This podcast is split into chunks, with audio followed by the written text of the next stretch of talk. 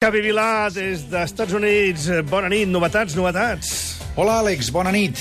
Els dinosaures del món juràssic que han retornat també a Catalunya aquest cap de setmana han fet història per l'estudi Universal que ha recaptat 18 milions i mig de dòlars només amb l'estrena avançada de dijous a la nit en més de 3.200 sales de projecció aquí als Estats Units.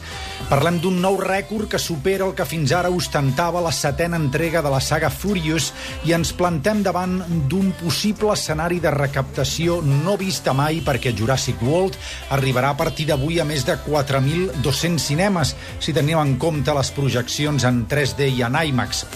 En moltes menys sales de projecció, en canvi, arriba Me and Earl and the Dying Girl, la cinta d'Alfonso Gómez Rejón, que va impactar, com sabreu, al Festival de Sundance i que narra amb gran efecte lacrimogen les aventures de tres joves inadaptats que naveguen l'adolescència, l'amor i la mort amb humor sardònic al Pittsburgh postindustrial d'avui en dia.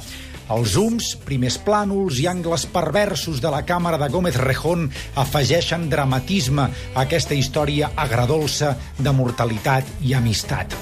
La joia d'aquest cap de setmana, tanmateix, és el documental titulat The Wolfpack, en què Christian Mosel descriu la fascinant història dels sis germans reclosos pels seus pares durant anys al diminut apartament de la part baixa de Manhattan.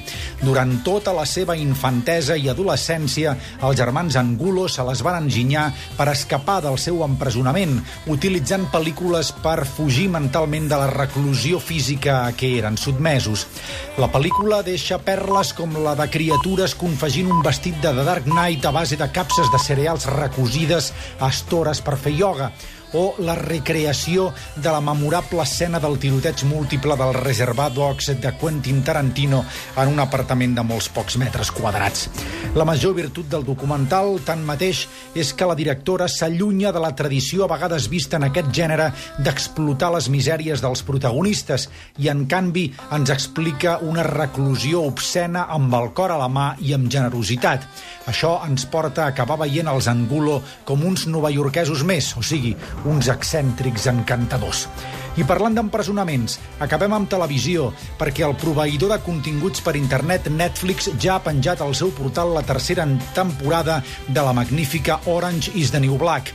Si a les dues primeres temporades la sèrie maldava per recordar-nos l'amarga arquitectura d'estar entre reixes, un exercici de deshumanització absolut, ara la trama transita per la dissonància d'intentar retornar als rols que defineixen a un ésser humà, especialment la maternitat quan encara s'està a la presó.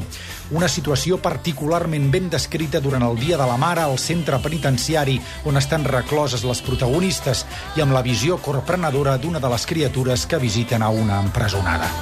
Això és tot per aquesta setmana, Àlex. Bona nit.